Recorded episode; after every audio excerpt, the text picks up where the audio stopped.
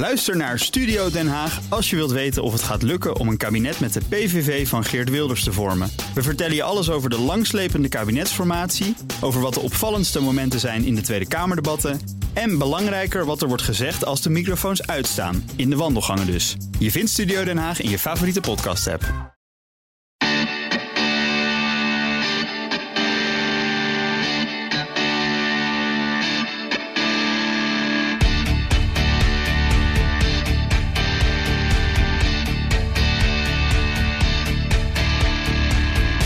Welkom bij de finale podcast van Spitsbrekers. Welk bedrijf pakt de Spitsbreker van het jaar award? De acht finalisten zijn te gast. Coronaproof natuurlijk. Hier bij BNR in de boardroom, waar normaal alle belangrijke beslissingen vallen. Nou, nu eigenlijk ook een beetje. Om te vertellen waarom zij de titel dit seizoen moeten pakken. Deze podcastreeks bestaat uit drie afleveringen. Er zit, uh, zit je nou te luisteren en denk je: ja, dat is best een goed verhaal. Je kunt stemmen via spitsbrekers.nl. De publiekstem telt voor 25% mee in de uiteindelijke uitslag. Mijn naam is Meijnerd Schut en tegenover mij zit Nout Broekhoff. Ja, coronaproef op afstand, anderhalve meter. Hebben we echt heel erg goed rekening mee gehouden. Moeten we even erbij zeggen. meer dan anderhalve meter. Ja, dat denk ik ook. Ik vind het wel prettig. Ja, ik, ik hou jou ook wel graag een beetje op afstand. Ja, dat weet ik. Hey, die, die, die, die finale, dat wordt wel heel erg spannend nu. Ja, we zitten echt in de beslissende fase. Hè? Het is uh, nog één week nu tot de finale op 1 oktober. Uh, mensen kunnen trouwens ook meekijken bij die finale. Er komt een livestream vanaf, 9, uh, vanaf 7 uur in de avond tot 8. En ja, een spektakelprogramma natuurlijk. verkeersminister Cora van Nieuwhuizen komt langs. Kijk topman van de ANWB is erbij. We gaan ook nog even een stukje op een e-step rijden. Oh, ja, nou, ja, het, het wordt leuk. leuk. Ja. Elektrisch aangedreven, dus ook nog goed voor uh, het klimaat. Maar uh, nou, dit is natuurlijk wel een bijzonder jaar hè, voor spitsbrekers. We hebben dit uh, project, zijn we ooit gestart om die files tegen te gaan. En om werknemers van grote bedrijven in Nederland ja, uit die spitsen te krijgen. Maar, ja, ja. dat is gelukt. Ja, dat is inderdaad gelukt. We, we, moesten er even een uh, virusje voor ontwikkelen. Ja, ja heeft even geduurd. Nee, nee, ja, dat is natuurlijk bizar voor woorden. Wie had dat uh, begin dit jaar verwacht? Het eind vorig jaar sowieso niet. Toen we bijvoorbeeld uh, de, de thuiswerkdag van BNR ja. hebben georganiseerd. Arcades trouwens aan meegedaan, onze eerste gast. Was dat. Ja, zeker. En, en toen was het nog heel erg van... Goh, thuiswerken. Ja, goh, we moeten met z'n allen het hele bedrijf een dag thuiswerken. Niet iedereen zat daar op te wachten. Ik kan me zelfs herinneren dat de minister er eigenlijk niet zo veel in zag in het thuiswerken. Klopt. Die is wel gedraaid. Ja, maar dat komt natuurlijk omdat het zo massaal is gegaan. Hè? Kijk, uh, wat dat betreft is, is één à twee dagen in de week thuiswerken is prima. Maar natuurlijk niet op uh, maandag en vrijdag. Dat heeft natuurlijk helemaal geen zin uiteindelijk. Nee, woensdag bijvoorbeeld. Ja, precies. Ja. Dus okay. je, je, moet het wel op een bepaalde manier doen zodat het ook werkt voor de spits. Maar uiteindelijk, um, ja, als iedereen thuis gaat werken, ja, dan zie je het effect. Hè? Ja, je hebt maar meer dan 10% nodig die uit de spits blijft. En er zijn geen files precies. meer. Zoals we al zeiden, hè, de finalisten komen langs ja. in deze serie. En de eerste finalist die zit hier bij ons aan tafel. Uh, Juri Schenau uh, van, uh, van Arcades, programmamanager duurzaamheid. En ik dacht, hé, hey, dat is een gezicht dat ik herken van vorig seizoen. Ja, ik dacht hetzelfde, dus dat klopt. ja, inderdaad. En je weet het, uh, Juri, het gezegde... Dat ken je. Driemaal is scheepsrecht, dus uh, helaas. Ja, ja. ik hoop niet dat die dan waarheid wordt. Nee, nee superleuk om hier weer te zijn. Waar, waarom, waarom hebben jullie besloten om nog een keer mee te doen? Ja, we dachten, uh, we waren er zo dichtbij. Ja. Um, dus uh, toch nog maar een keer proberen. Ja. En hier zijn we. Ja, want die, die andere partij heeft hem dan vorig jaar gewonnen, dacht je. Ja, die kan. Uh, die doet niet meer mee. Of, of doet hij toch niet mee? Nee nee, nee, nee, nee, die doet niet mee. Die doet niet mee. Maar wat is er in de tussentijd veranderd nog? Uh, nou ja, jullie begonnen er al mee. Uh, corona is natuurlijk ingetreden. En ja. dat, dat, uh, ik denk dat dat, nou ja, alle bedrijven, organisaties hebben daarmee te maken en spelen daarop in. ieder op zijn eigen manier. Ook bij, bij Arcades. 94% van onze CO2-footprint komt door onze mobiliteit. Mm -hmm. Dus ja, als corona ons dwingt om thuis te blijven, dan moeten we dingen echt anders gaan doen. En en meteen. Dus dat uh, zorgt voor versnelling. Ja, en, en, leeg was het op, het, uh, op de kantoren. Want uh, een van onze verslaggevers is bij jullie langs geweest. 90% werkt thuis op dit moment hè, van de medewerkers. Ja, inmiddels iets is... we zitten nu op 80%. Okay. Dus 20% van de, van, van de kantoren is weer in gebruik. Nu het ietsjes ruimer is. Maar ja, dat is een enorm aantal natuurlijk. Wat van onze medewerkers die nou ja, inmiddels gewoon thuis werkt. En heb je daar dan ook al een berekening van wat dat scheelt? In die footprint die jullie hebben? Uh, nee, de cijfers over 2020 hebben we nog nee, niet. Nog niet. Um, uh, die komen dan begin volgend jaar weer. Uh, maar dat gaat enorm dalen. Ik zei net al, 94% van onze CO2-footprint komt door nou ja, onze mobiliteit. Ja, reisbeweging. Ja, die, die is natuurlijk uh, uh, met 80, 90 procent gedaald. Dus uh, in ieder geval in een deel van het jaar. Ja, nou misschien dat die footprint dan inderdaad ook wel zoveel is gedaald. Of misschien zelfs nog meer. Maar laten we eerst eens even naar de oplossingen die jullie al bedacht hadden gaan. Hè? De, de maatregelen die jullie al namen voordat corona intrad. om inderdaad het aantal reisbewegingen te verminderen. Ja, ik denk dat we al een jaar of tien bezig zijn met verduurzaming van, van onze mobiliteit. De afgelopen jaren hebben we ook ingezet op nou ja, onze huisvesting. Uh, al onze kantoren zijn van uh, overwegend snelweglocaties. waar je lekker met de auto natuurlijk snel kan zijn en oh, goed kan parkeren. Zo direct een garage in. Precies. hartstikke fijn. Maar dat vonden we toch dat we moesten veranderen. Die, al die kantoren zitten nu op intercity stations. Het laatste kantoor is in januari verhuisd naar Rotterdam Centraal, Delftse Poort op steenworp afstand. Jullie hebben het in de podcast volgens mij kunnen horen. Um, uh, nou, met een minuut lopen waren we er vanaf het station. Uh, en gecombineerd met uh, ook al jaren iedereen een NS Business Card. Dus of je nou een leaseauto hebt of niet. Je kunt gewoon met de trein, tram, bus, het OV. Um, met, die, met die business card. En nu we bij in de citystations zitten, why not? Doen die leaserijders dat wel eens? Even die, die ja, auto laten staan? Ja. Zeker. Ik uh, uh, heb ook uh, zeg maar de, de footprint over al die jaren bekeken. Ja. Welke lijn of welke trend zien we nou? En uh, het OV-gebruik is vernegenvoudigd. En het autogebruik is met 40% gedaald. Zo. Dus er is echt wel een verschuiving in, in de model split, zoals ze dat dan zeggen. Hè? Dus ja. we verschuiven van auto naar OV. En zijn er ook mensen die, of medewerkers die dan zeggen van hier heb je mijn auto. Ik hoef hem niet meer. Ik vind die, die businesscard vind ik prima zo. D die zijn er wel. Ja. Mogen er altijd meer zijn. Maar ik heb laatst nog een collega van... Goh, ja, waarom heb ik eigenlijk die leaseauto nog? Ik woon midden in Amsterdam. Um, uh, het, het, voelt eigenlijk niet goed meer dat ik dat ding uh, nog mm -hmm. voor de deur heb staan. Dus ik lever hem in. Uh, dat gebeurt natuurlijk niet elke dag. Uh, maar ik, ik vind het wel heel mooi om te zien dat, dat, dat, dat er ook collega's zijn die er dus actief uh, op die manier over nadenken. Ja. En dus een auto inleveren. Ik kan me ook voorstellen dat er collega's zijn die voor het werk gewoon die, die NS Business Card gebruiken. En dan die, die leaseauto alleen nog maar privé gebruiken. Ja, dat zal ongetwijfeld ook gebeuren. Dat is toch een beetje gek. Alleen, het, dat je een leaseauto hebt voor privégebruik? Dat is heel gek. Ja, uh, ja. Maar omdat het uh, lease uh, is vaak onbeperkt kilometers rijden. En we weten dus niet, dat is het rare aan lease eigenlijk... of dat privé of zakelijke nee. kilometers zijn. Hij is voor het werk bedoeld in beginsel ja. natuurlijk. Maar de, denk je dat er een moment kan komen dat Arcadis zegt... nou, een leaseauto, we doen het gewoon niet meer? Nou, zo, zover zijn we nu in ieder geval nog niet. Wij zijn een dienstverlenend bedrijf, dus we, we moeten ook bij onze klanten of onze projecten kunnen komen. Ja. Uh, we zijn een ingenieurs- en adviesbureau, dus uh, wij werken ook aan infrastructuurprojecten. Um, uh, hè, dus bijvoorbeeld vernieuwing van wegen of sporen. Ja. ja. daar kun je niet altijd komen met het openbaar vervoer. Dus nee. als je in Lutjebroek moet zijn om de gemeentelijke weg daar te vernieuwen, ja, dan, dan heb je soms een auto nodig. En dus ik, ik denk niet dat de leaseauto's nu al de deur uitgaan, al mas. Uh, maar, dat sluit het ook niet uit dat het in de toekomst gaat gebeuren? Ja, zeg nooit nooit. Nee. Maar, maar nu goed, niet. Nee, nee maar ik, ik kan me ook voorstellen dat er nog een nadeel aan zit. Hè? Dat je, juist vanwege die footprint. Want je weet niet wat mensen gaan doen als je die leaseauto niet meer verschaft. Hè? Wat, of ze dan een, een, een occasion Zeker. gaan kopen die ja. eigenlijk vervuilender is dan ja. de leaseauto. Dan ben je toch indirect ook verantwoordelijk ja. voor dan. Ja, we, we kijken helemaal waar. En uh, we kijken natuurlijk wel nadrukkelijker, steeds nadrukkelijker van... Hey, heb je wel een leaseauto nodig? En uh, uh, zou die niet elektrisch moeten zijn? Dus hè, elektrificatie, allereerst heb je hem nodig. Belangrijkste vraag. Uh, en als je hem nodig hebt, um, elektrisch. Dat scheelt natuurlijk al ja. minimaal de helft van je uitstoot. De mensen die wel naar het kantoor moeten komen, mijden die het OV op dit moment vanwege corona? Ja, dat hoorde je zeker in het begin uh, uh, heel sterk terug. Van goh, ik voel me niet veilig in het OV. Uh, en daar hebben we ook begrip voor. Dat is, ik, ik denk dat dat, nou ja, het, het, het, coronavirus heeft enorm veel impact. We hebben ook zeg maar, een paar maanden geleden gezien wat het betekent in de ziekenhuizen. Ja. Um, dus dus daar kun je alleen maar begrip voor hebben dat mensen op dit moment niet dicht bij elkaar willen zitten in een gesloten ruimte. Dus in die zin zeggen wij van nou ja, werk vooral thuis. Dat is uh, eigenlijk uh, maatregel 1. En dat wordt goed opgevolgd. Hè. Dus heel veel mensen werken nu ook nog steeds thuis.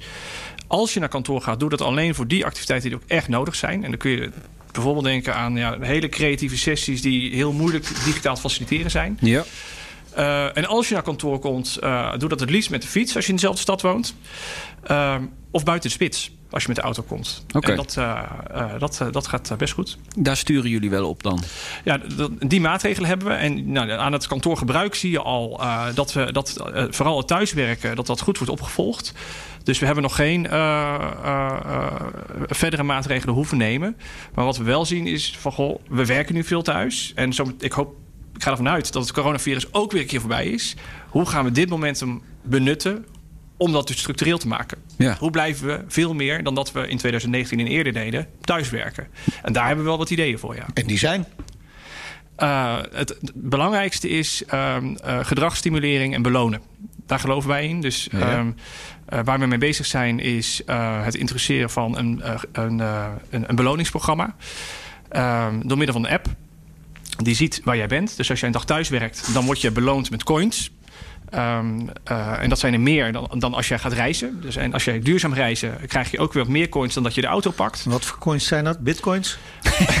een dure operatie gewoon, wordt dat. Gewoon, gewoon coins. Uh, Arcades coins. Wanneer kan de komen werken? Ja. en die kun je inwisselen voor uh, duurzame, duurzame producten. Oké. Okay. In een webshop. Dus Zoals? Wat, wat voor producten hebben jullie? Nou, een kaartje in de dierentuin. Een kop koffie op het station. Als je oh, dan toch met het, uh, met het ja. gaat. Uh, neem een gratis kopje koffie. Het kan van alles zijn. Um, uh, maar niet keihard geld. Het is niet 3 euro per keer dat je thuis werkt. Dat is nu niet het idee. Nee. nee. En dit is ook vrijwillig? Ja, je. ja. ja in, in, het, is, het is wel een app die je, uh, die je volgt, want anders weet je niet waar je bent. Nee, dus precies. het is wel uh, vrijwillig. Maar doordat we er een beloningscomponent um, uh, aan vasthaken, uh, verwachten we wel dat het in ieder geval heel veel gebruikt gaat worden. Ja, en dit is een initiatief eigenlijk tot stand gekomen in die crisis, waar jullie van dachten: hoe gaan we het goede behouden? Ja, nou, het belonen van uh, nou ja, duurzaam gedrag zou je het kunnen noemen. Um, dat zat altijd wel in het hoofd, maar dit ja, het wordt enorm versneld. Nu dit ook een momentum is dat je bepaald gedrag wil gaan vasthouden. Ja. Dus in die zin heeft corona zeker um, een versnelling gebracht, ja. Ja, en de elektrische fietsen. Da daar, daar zetten jullie ook op in. Want jullie willen ja. vooral van, ook van die lease-regeling gebruik gaan maken... die 1 januari uh, is ingevoerd. Ja.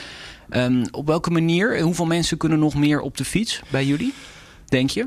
Uh, ik denk, dus even uit mijn hoofd, dat ongeveer 30% van, van onze medewerkers binnen een straal van 15 kilometer van het dichtstbijzijnde kantoor woont. Um, dus ja, dat zijn allemaal potentiële uh, kandidaten die ook prima op uh, de fiets zouden kunnen gaan.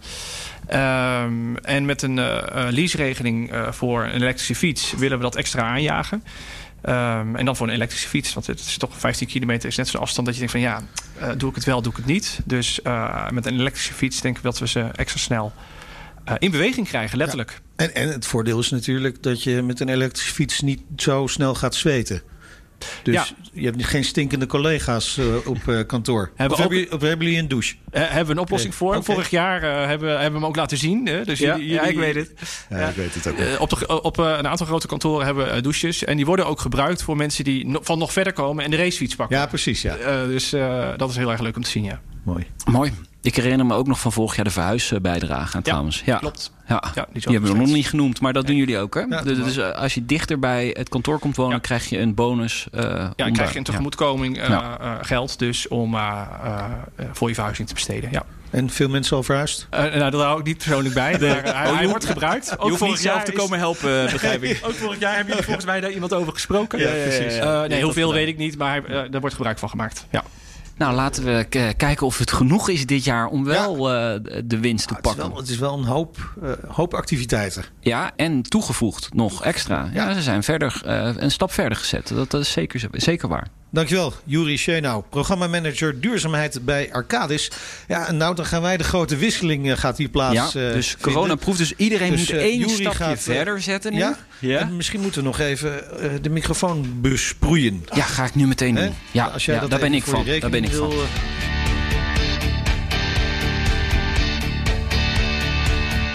Ja, nou, onze volgende gast zit weer achter de microfoon. Uh, komt van Veenstra. Veenstra, wat doet Veenstra? Weet jij vast wel? Ja, cv's uh, bijvoorbeeld installeren of He? onderhoud daaraan doen. Ja. Service, ja. Nou, Mout Profili, directeur HRM bij Veenstra. Welkom, leuk dat je er ook bent. Dankjewel. Laten we eens even kijken naar jullie op. Eerst maar eens even, waarom, waarom doen jullie mee aan spitsbrekers? Dat is een goede vraag. Wij doen mee uh, aan spitsbrekers omdat wij uh, met name in de binnensteden, in de Randstad, merken dat wij steeds meer last krijgen om onze monteurs op tijd bij de klant te krijgen. En daar staan wij wel iedere dag voorop om onze klanten te servicen. En wij zijn, daar merken we in Amsterdam binnenstad de voorloper mee om op andere manier onze klanten te bedienen. En willen graag andere bedrijven inspireren, maar ook hulp krijgen. Want het is niet makkelijk om het allemaal voor elkaar te krijgen. Nee, maar ik kan me wel voorstellen dat in de coronacrisis was er weinig drukte. Dus dan, dan, dan is het op, uh, in het verkeer natuurlijk voor jullie monteurs een feest. Kan ik me zo voorstellen. Ja, om bij de klant te komen, de binnenstad in te komen ja. wel. Alleen als je wilde parkeren, iedereen werkte thuis, oh, dan ja. had je weer geen parkeerplek. Oh, ja. Dus uh, dan had je nog niks aan de auto. nee, inderdaad. Ja, nee. En wilde klanten überhaupt wel dat er monteurs langskwamen? Want ik kan me voorstellen, zeker in het begin van die coronacrisis met die lockdown, dat mensen misschien daar ook al een beetje huiverig voor waren. We hebben hele wisselende dingen daarin meegemaakt. We hebben voornamelijk heel veel informatie gegeven aan klanten vooraf, al voordat we langskwamen. We hebben al vrij snel uh, samen met Techniek Nederland en RIVM afspraken gemaakt over het protocol hoe we door konden blijven werken. Achter de voordeur, zoals wij dat noemen. Ja. Uh, en daar hebben we de klanten veelvuldig over geïnformeerd en verteld uh, dat zij ons niet hoeven te ontvangen binnen de anderhalve meter. Wij bellen je als je voor de deur staat. Ja. Dan kan je de deur openzetten. Je vertelt waar de ketel staat en ik uh, kan me weggaan. Kijk, ja. En onze monteurs hadden allerlei persoonlijke beschermingsmiddelen om zich nou ja, de handen te wassen, et cetera. Dus wat dat betreft ja. uh, hebben we ons werk gelukkig kunnen doen. Gelukkig wel. Ja. Laten we eens even kijken, want er is een pre-corona-periode waarin jullie je hebben ingeschreven hè, voor ja. de Spitsbrekers-competitie. Uh, nou, de reden waarom heb je net aangegeven, maar welke oplossingen hadden jullie bedacht om ervoor te zorgen dat in ieder geval de medewerkers minder in die spits actief zijn? Ja. Wij, hebben, uh, wij zijn begonnen met een aantal elektrische fietsen voor onze monteurs uh, te regelen. En dat klinkt heel makkelijk, hè? met een elektrische fiets de stad in en dan kan je je werk doen. Alleen zo makkelijk is het niet, want onze monteurs hebben natuurlijk behoorlijk wat spullen bij zich om ja. het werk bij de klant te kunnen doen. Je zult maar net even die, die, die ene sleutel gemist ja. hebben, hè? Precies. Dus Nummertje dat, uh, 15 bijvoorbeeld. Dat is een heel, een heel uh, programma uh, wat we doen om onze monteurs te zorgen dat ze de juiste spullen hebben. En dat is ook wat ik net bedoelde met hulp nodig. Het is niet zo vanzelfsprekend om je monteur goed bij de klant te krijgen. Dus we zijn met allerlei partijen in gesprek om dat goed te doen. Op dit moment uh, rijden in de binnenstad vier uh, elektrische fietsen van ons. Maar het zijn bakfietsen? Bakfietsen, ja. Ja, ja, ja. We hebben ook tuk-tuk. Maar okay. uh, de bakfiets is nog net iets prettiger. Uh, en het bijkomend voordeel is ook nog dat we mensen zonder rijbewijs daarmee uh, de binnenstad in kunnen laten gaan. En waar we voorheen geen monteurs zonder rijbewijs uh, konden aannemen, hebben we dat nu ook ja, als mogelijkheid. Kijk aan. Gelijk een oproep ja, natuurlijk nee, voor ja, mensen precies. die nu ja, Zeker Dan hebben jullie nog mensen nodig? Ja? Meer dan. Oh, kijk, er is nog werk ja, gewoon. Er is hoor. dus werk. dat is heel goed om te horen. Heel veel werk. Ik, ik kan me voorstellen, even bijkomend voordeel, zeker voor Amsterdam, geen parkeerkosten. We hebben uitgerekend dat met 33 uur werken in de binnenstad... we een maand de fiets al kunnen betalen.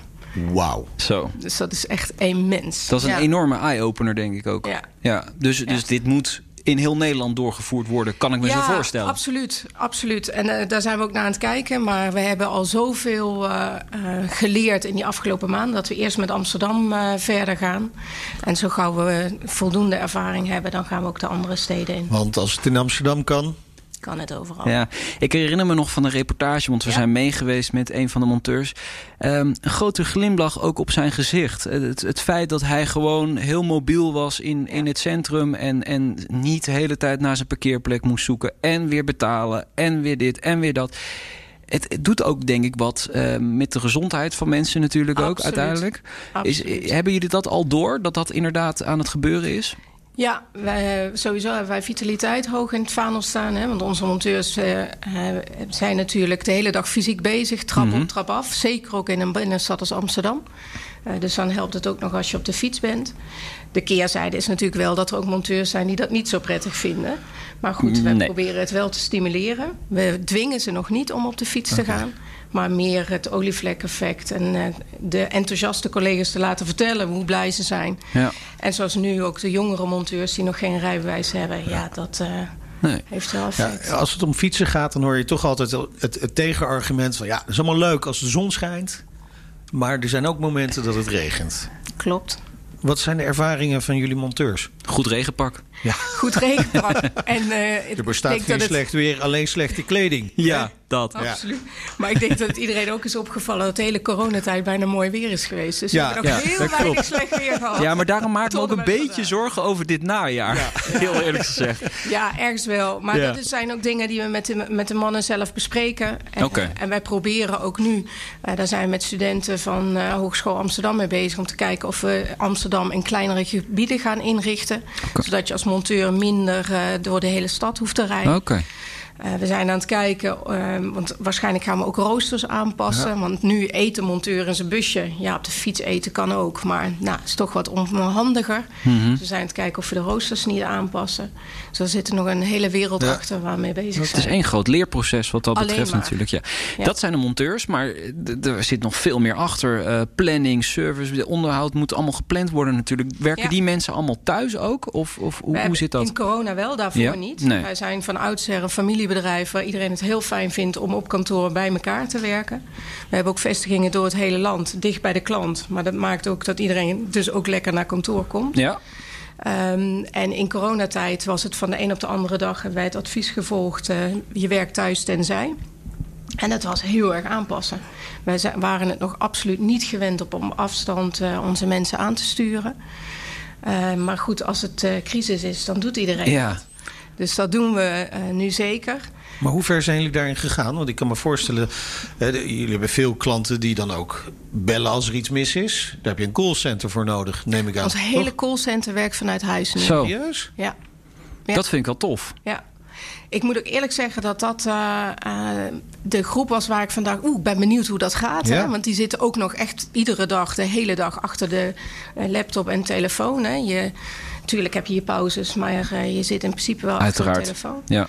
Uh, maar dat gaat hartstikke goed. En uh, we, we, hebben wel veel contact met de individuele collega's. Want er zijn ook altijd wel collega's die het om welke situatie dan ook niet kunnen om thuis te werken. Nee. En daar kijken dan naar of je wel naar kantoor komt. Maar in principe werk je thuis. Maar is dit here to stay voor jullie? Of is dit op de dag dat het vaccin is uitgerold, gaat iedereen weer naar kantoor? Wat, hoe, hoe zie jij dat?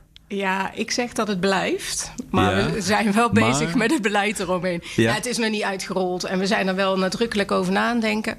En ook in elk gesprek wat ik heb in MT's, et cetera, benoem ik het alvast.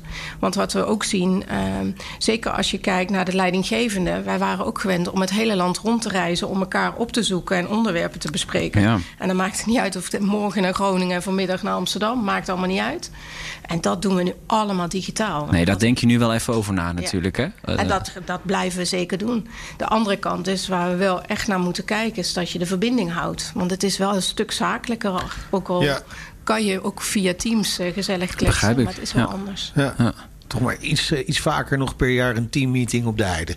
He? Maar dat is Zoiets. het. Ik denk dat de, de, online vergaderingen veel zakelijker worden. Ja. En als je elkaar ziet, is het leuk. Dan ga je ja. leuke dingen doen. Ga je meer op persoonlijk vlak met elkaar in gesprek. Ja. Absoluut. Het is natuurlijk een enorm leerproces. Hè? Inderdaad, wat Nout al zei. Die, die coronatijd, je leert ontzettend veel. Soms is het een beetje uitdagend. Maar uh, heel veel dingen uh, blijken opeens te werken. Zijn er nog zaken waar jullie door denken van... nou, daar kunnen we nog een extra slag maken? Misschien ook wel dat jullie die ook al voor corona hebben bedacht, hoor.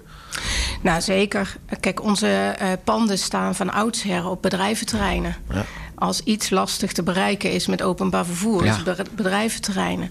Dus daar zijn we nu wel naar aan het kijken. Als je meer toegaat naar thuiswerken op de lange duur, wat kunnen we doen met onze huidige panden?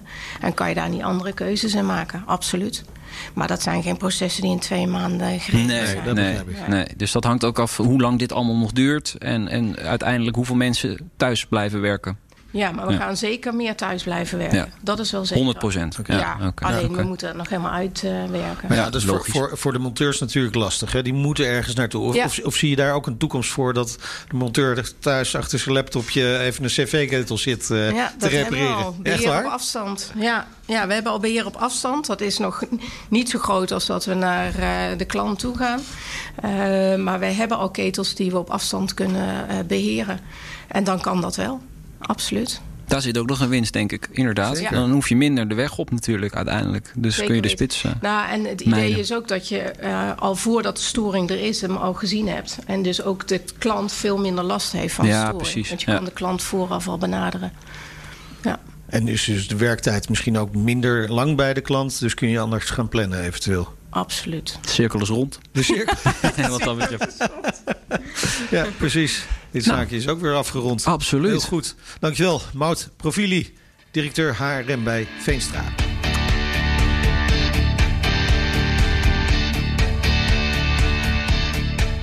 Het is tijd voor de wissel. Mout heeft alweer plaatsgemaakt. De microfoon is leeg. En dan eh, neemt eh, Carlo Buizen plaats achter de stoel. Manager mobiliteit van de Radboud Universiteit. Projectleider duurzaam bereikbaar Heijendaal. Welkom, leuk dat je er bent. Helemaal vanuit Nijmegen. Dat is ook een eh, aardige afstand. Ja, lekker met de trein. Heel Ben, ben je- rustig. ja, mondkapje op. Mondkapje, laptopje bij. Je mag iets werken. dichter bij de microfoon gaan zitten als je wil. Eh, had je daar wel zin in, zo'n reis? Ja, want het is gewoon lekker reizen en werken. En het- er, er zat echt niemand. Dus het mondkapje, mondkapje lag ook meer Oh op ja? het tafeltje erbij. Want ja, er zat niemand in de coupé. Nee, ja. Nee, dan mag het.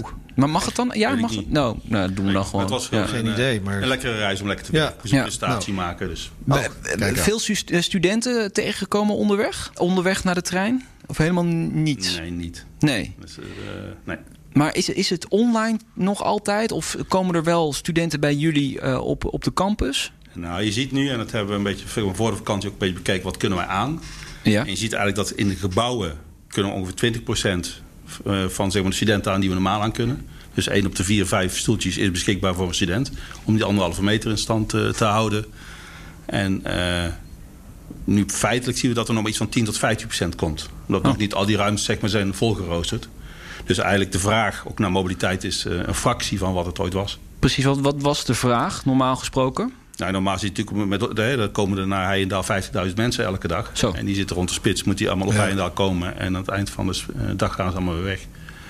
En ehm, voor de studenten zit je, er- wat er normaal zo'n ja, 40.000 zijn, dan zit je nou denk ik op nou, 5 tot 8.000 maximaal.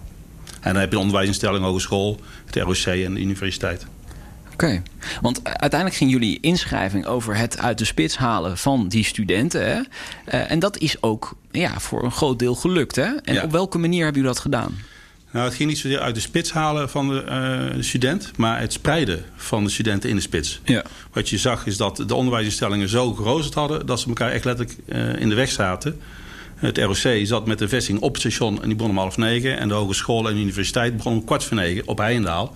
En het moest allemaal om eh, nou, kwart over acht op centraal zijn. Ja, en dat, met werkt een bus eh, eh, naar Heijendaal. Dus we zeggen, kijk, hoe kunnen we daarin gaan schuiven met die onderwijstijden, aanvang daarvan. En uiteindelijk zag je, want we hebben 13 scenario's door moeten rekenen. Want de mobiliteitsprofielen van de studenten zijn duidelijk anders. Eh, De handstudent komt veel meer met, eh, de hogeschoolstudent komt veel meer met het OV dan een universiteitsstudent. En toen bleek uiteindelijk dat de hogeschool naar achteren plaatsen naar 9 uur. Dus eigenlijk maar een kwartiertje naar achteren, universiteit een kwartiertje naar voren. En het ROC bleef op hetzelfde tijdstip zitten. Dat we daardoor een, een spitsverlaging kregen in de piek van rond de 20% in het OV. Eh, hoe, hoe komt dan de universitair student die kant op? Met fiets. Met de fiets? Je ziet Met dus een veel de groter fiets. fietsaandeel. Ja, ja. Eh, gaan meer Ja, op ik kabels. hoopte een beetje op de auto, toch stiekem. Ja. Nee, je ziet wel, de, de handstudent komt wat meer met de auto Ja, ja. dan de universiteitsstudent. Omdat die ook nog wat meer thuis wonen. Ja, dat een logische... Dus van verderaf waarschijnlijk Ja. moeten komen. Ja, ja. Oké, dus dat, dat is, eh, is, is grotendeels opgelost. Ehm, Ja, maar ja, Nou, we hadden uiteindelijk een piekverlaging in de, de trein vanuit, eh, vanuit Limburg van 40%. Ja, Dus daardoor kon je gewoon de trein weer gebruiken. Want dat, in het jaar daarvoor was gewoon dat de trein doorreed op eh, stations omdat de trein vol was. zo. Dus door die piekverlaging kon gewoon eigenlijk de studenten konden weer de treinen. Maar natuurlijk niet alleen studenten, maar ook medewerkers. En eh, ook vanuit de NS, waar de piekverlaging iets minder was, maar daar was je ook nog bijna 15 procent. Dus uiteindelijk kreeg je dus veel meer ruimte in het OV, maar ook uiteindelijk op de weg voor de fiets. Ja. Want we hadden fietsfiles, hè, dus die stond Oh ja. achter, achter een stoplicht te wachten. En dan ging Ja, ja. groen en dan vervolgens kwam de volgende, die kon je wachten. Dus ook daar dat is dus, een beter dat is dus niet alleen maar Amsterdam. Ja, hè. Nee. Maar- Ook, in, ook in buiten Amsterdam ja gebeurt het. precies. Ja. Ja. Ja, wat ik interessant aan dit en deze oplossing vind, is het is zo makkelijk. Eigenlijk, maar je had wel natuurlijk alle partijen nodig om in conclaaf te gaan om dit te bereiken. Dus dat lijkt me het lastige uiteindelijk. Dat iedereen daar uh, hetzelfde doel stelt uiteindelijk. Ja, maar dat was ook de eerste stap geweest. Om te, we zagen dat uh, de grenzen van de bereikbaarheid van het gebied uh, waren in zicht. door al die files die er waren. Dat studenten moesten op het station vijf of zes bussen wachten voordat ze in kunnen stappen. Bizar. Dus we zagen gewoon, ja, dit moet anders. En voor alle partijen was er een belang. Want voor de OV-bedrijven, die wou natuurlijk een capaciteit bij ja. spreiden. Voor de onderwijsinstellingen, die wou natuurlijk een stukje kwaliteit qua bereikbaarheid eh, hebben voor hun medewerkers en studenten. Voor een overheid die ook dan ziet, in zo'n stad loopt alles vast. Dus uiteindelijk komen al die partijen ook in een hok krijgen. Ja. Ik weet nog, de eerste keer was het 30 graden, een te klein hok. Maar het hebben we met elkaar wel gezegd, oké, hier gaan wij samen voor. Zou nu niet meer mogen, maar... maar toen mocht het nog. Nee, ja, precies. Toen hebben we gezegd, hier gaan we samen voor. En dat is uiteindelijk ook het traject geworden. Ja. Van eh, eerst onderzoeken van, oké, hoe reizen we nou precies? Hebben we data? Oké, waar zitten dan de knelpunten? Wat kunnen we dan doen? En inderdaad dat kwartiertje schuiven, want eigenlijk meer is het niet. Nee. Is een goedkope... maar, maar, hebben jullie ook nog ergens weerstand ondervonden? Van, van bijvoorbeeld medewerkers die ook toch ja, hun ritme moeten aanpassen? Ja, maar we, hadden, we, we hebben wat weerstand gehoord van studenten van de universiteit. Ze ja, maar we moeten vroeger op. En de, handstudent, die mocht wat later op. Dus dat was. Maar we hebben wel aan de voorkant wel al die gesprekken gevoerd. Er was wat discussie over kinderopvang. Kun je nog wel tijd met je kind naar de opvang toe? Uiteindelijk hebben we ook gekeken, dat ging soms om tientallen mensen. En toen heb ik, nou, als dat speelt, maak een afspraak met je leidinggever om in een bepaalde periode hè, een, ander, een andere rooster te krijgen of dat soort dingen. Dus um, eigenlijk was de weerstand heel beperkt. Um, er is natuurlijk wel van tevoren een rondje gemaakt langs de medezeggenschap met studenten, uh, met allerlei partijen. Maar het is eigenlijk, uh, onze bestuursvoorzitter zei eigenlijk heel mooi, het is een no-brainer. Ja, ja. Nou, zo denk ik het inderdaad zo is het ook, ook gedaan. En daar heb je eigenlijk met een hele simpele maatregel een hele grote impact. Nou is dit allemaal uh, pre-corona afgesproken. Hoe, hoe, lang heeft dit uh, voor de coronasituatie uh, Het is een, twee jaar. In 2000 okay. heeft het geduurd. Ja. Dit zou het derde academisch jaar zijn. Dat het, zo hebben we ook in 2018 en 2019 gewoon feitelijk gemeten wat was nou het effect. Want we hadden natuurlijk wel voorspellingen. Maar uiteindelijk bleken die voorspellingen nou bijna één op één te kloppen met de feitelijke situatie. Zo. Dus dat was ook wel heel duidelijk in, in, het begin een aanpak van zorg dat je weet waar je over praat. Dus hè, doe onderzoeken, weet hoe studenten en medewerkers reizen, weet hoe patiënten reizen. Dat heeft allemaal invloed op elkaar. Dus het gebruik van data en big data was in dit geval uh, heel waardevol om de goede keuzes te kunnen maken. Nou, dit, dit, project is ook genoemd in de Tweede Kamer. Hè? Als, ja. als zijnde van, hier zouden eigenlijk veel meer ja. steden en universiteiten gebruik van moeten maken. Nou, wat je zag, lag een beetje taboe op het, op het fenomeen onderwijstijden schuiven. Uh -huh. Dat werd in de jaren daarvoor was het een beetje onderwijsinstellingen, jullie moeten het probleem uh, in het OV oplossen. Ja. Um, maar uiteindelijk heb je gezegd, als het met dit soort kleine verschuivingen, wat toen werd gesproken, kun je niet om tien uur beginnen met het hele ja. onderwijs. Ja. als je om tien uur, dan, dan ga je natuurlijk een heel maatschappelijk ding krijgen, want dan krijg je kinderopvang, winkel, de mensen, hè, dan ga je de dag echt uh, verlengen. Maar bij dit kleine uh, kwartiertje, maar dat wordt uiteindelijk door twee partijen een half uur, ja, kun je, bijna op de achterkant van een bierveeltje zien dat het effect heeft. En we denken, ja, dat is voor meer organisaties en meerdere gebieden kun je het gebruiken waar je met name die, die piek krijgt in, in, in een spits. Door na te denken met elkaar, hoe kan ik nou, wie start wanneer op? Ja, dan kun je heel mooi zo'n uh, bereikbaarheid van zo'n gebied vergroten. En, en, gebeurt dat ook al? Zijn er andere instellingen die interesse hebben getoond? Want dit Spitsbrekers gaat ook om het inspireren van andere partijen. Ja, we zijn ook, ook in, in, uh, op de Uithof in Utrecht. Ja. En het is met name ook in de, uh, door de coronatijd wat versneld omdat we uiteindelijk bij het opstarten van corona, toen we weer mochten, mochten beginnen met tentamens.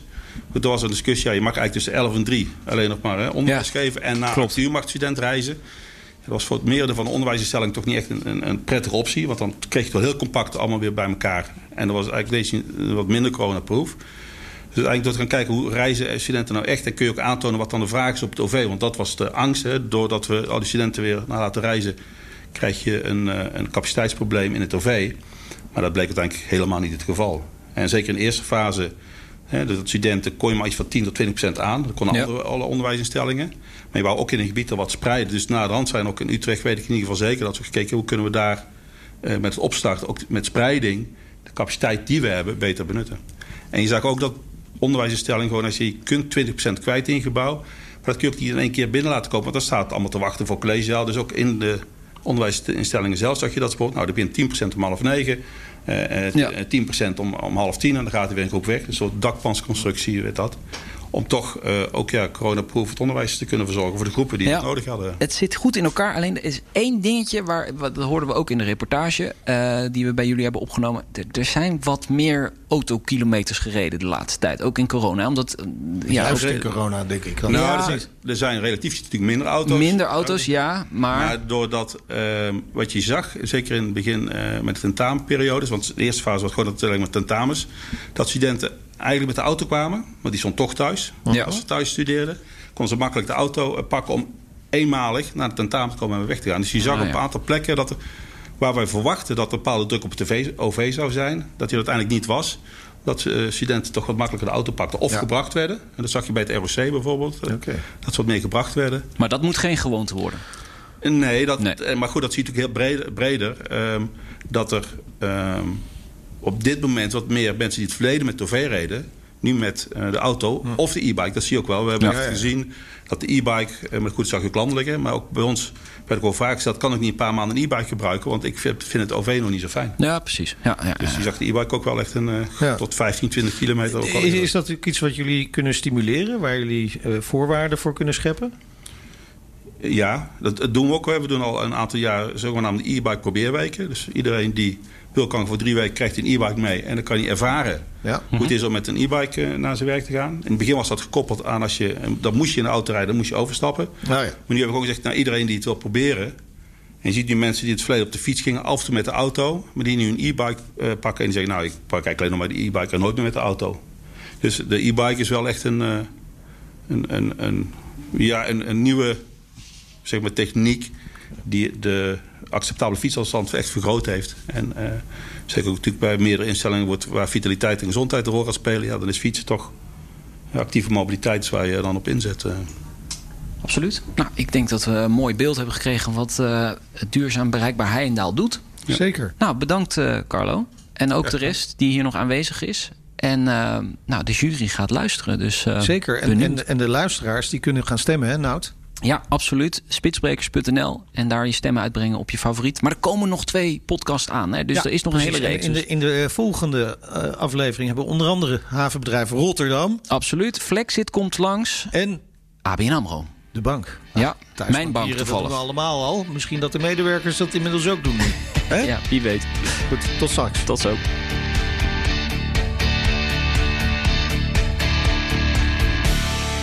Spitsbrekers wordt mede mogelijk gemaakt door ANWB Zakelijk, Gazelle e-bikes en ALD Automotive. ALD Automotive.